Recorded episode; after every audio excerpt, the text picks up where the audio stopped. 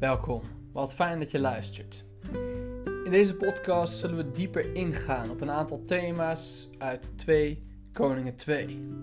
Ga je mee?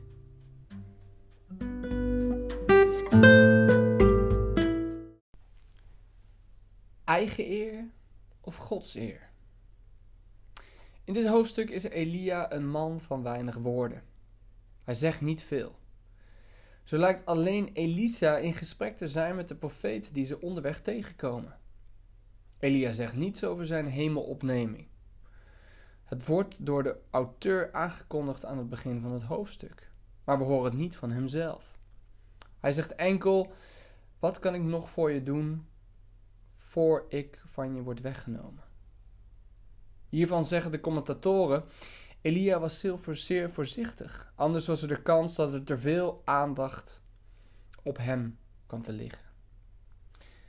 En de rabbijnen die stelden dat in contrast met 1 Koningen 18, de ontmoeting op de Karmel. Daarin is Elia voortdurend aan woord. Hij staat vol in de picture. Hij, hij bepaalt hoe er gedaan wordt en neemt het voortouw. dit is het belangrijke verschil. Daar gaat het niet om zijn eer, maar om de eer van God, van de Heer. En dat is het verschil. Laten we de houding van Elia daarom aannemen. We zoeken niet naar onze eigen eer, maar die van de Heer. Als het gaat om zijn eer, dan mogen we stoutmoedig optreden. Dat zoveel mogelijk naar voren brengen. Dat in de picture stellen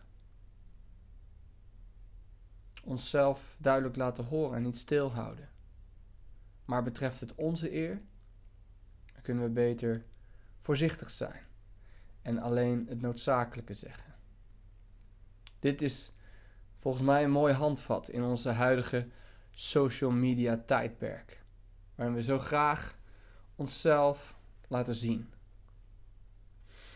Mogen God ons wijsheid geven en onderscheidingsvermogen om daarin de juiste keuzes te maken. En laten wij ons op niets anders laten voorstaan dan het kruis van Christus.